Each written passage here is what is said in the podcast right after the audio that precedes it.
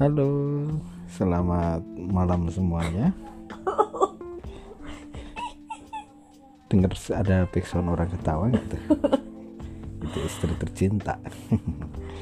Nggak di sini membaca ada artikel bagus sih sebenarnya buat para ibu-ibu. Hmm, Kebetulan istri sendiri suruh baca tapi dia nggak mau. Hmm, Ya udah, saya coba baca nanti kasih komen ya gimana suara saya kebetulan sedang latihan nih bikin podcast tujuh dilema seorang ibu yang memiliki dua anak dan cara mengatasinya.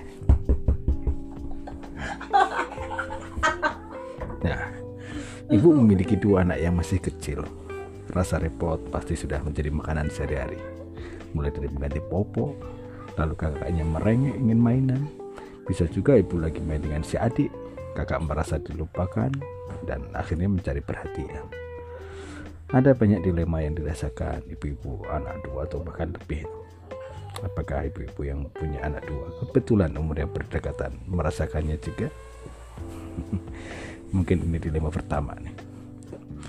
Mungkin nggak cuma ibu ya, termasuk saya sendiri sebagai bapak juga merasakannya. Dilema pertama khawatir pilih kasih serta lebih sayang dengan salah satunya. Nah, lalu dilema kedua, hmm, siapa yang harus diprioritaskan nih? Kakak dulu atau adik dulu?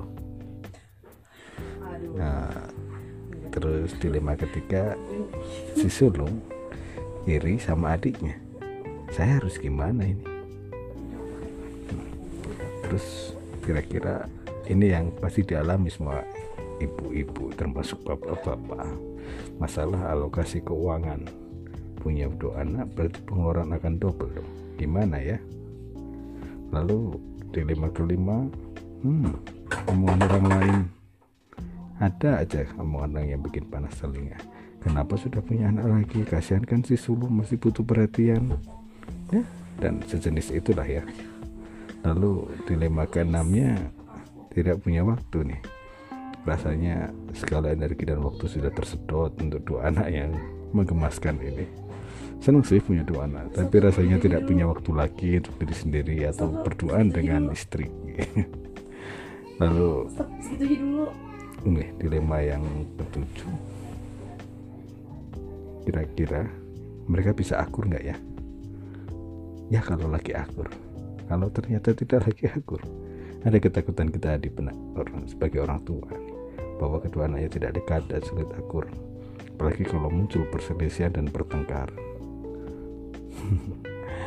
ya ada baiknya nanti kita bahas satu persatu mengenai dilema-dilema permasalahan tadi ya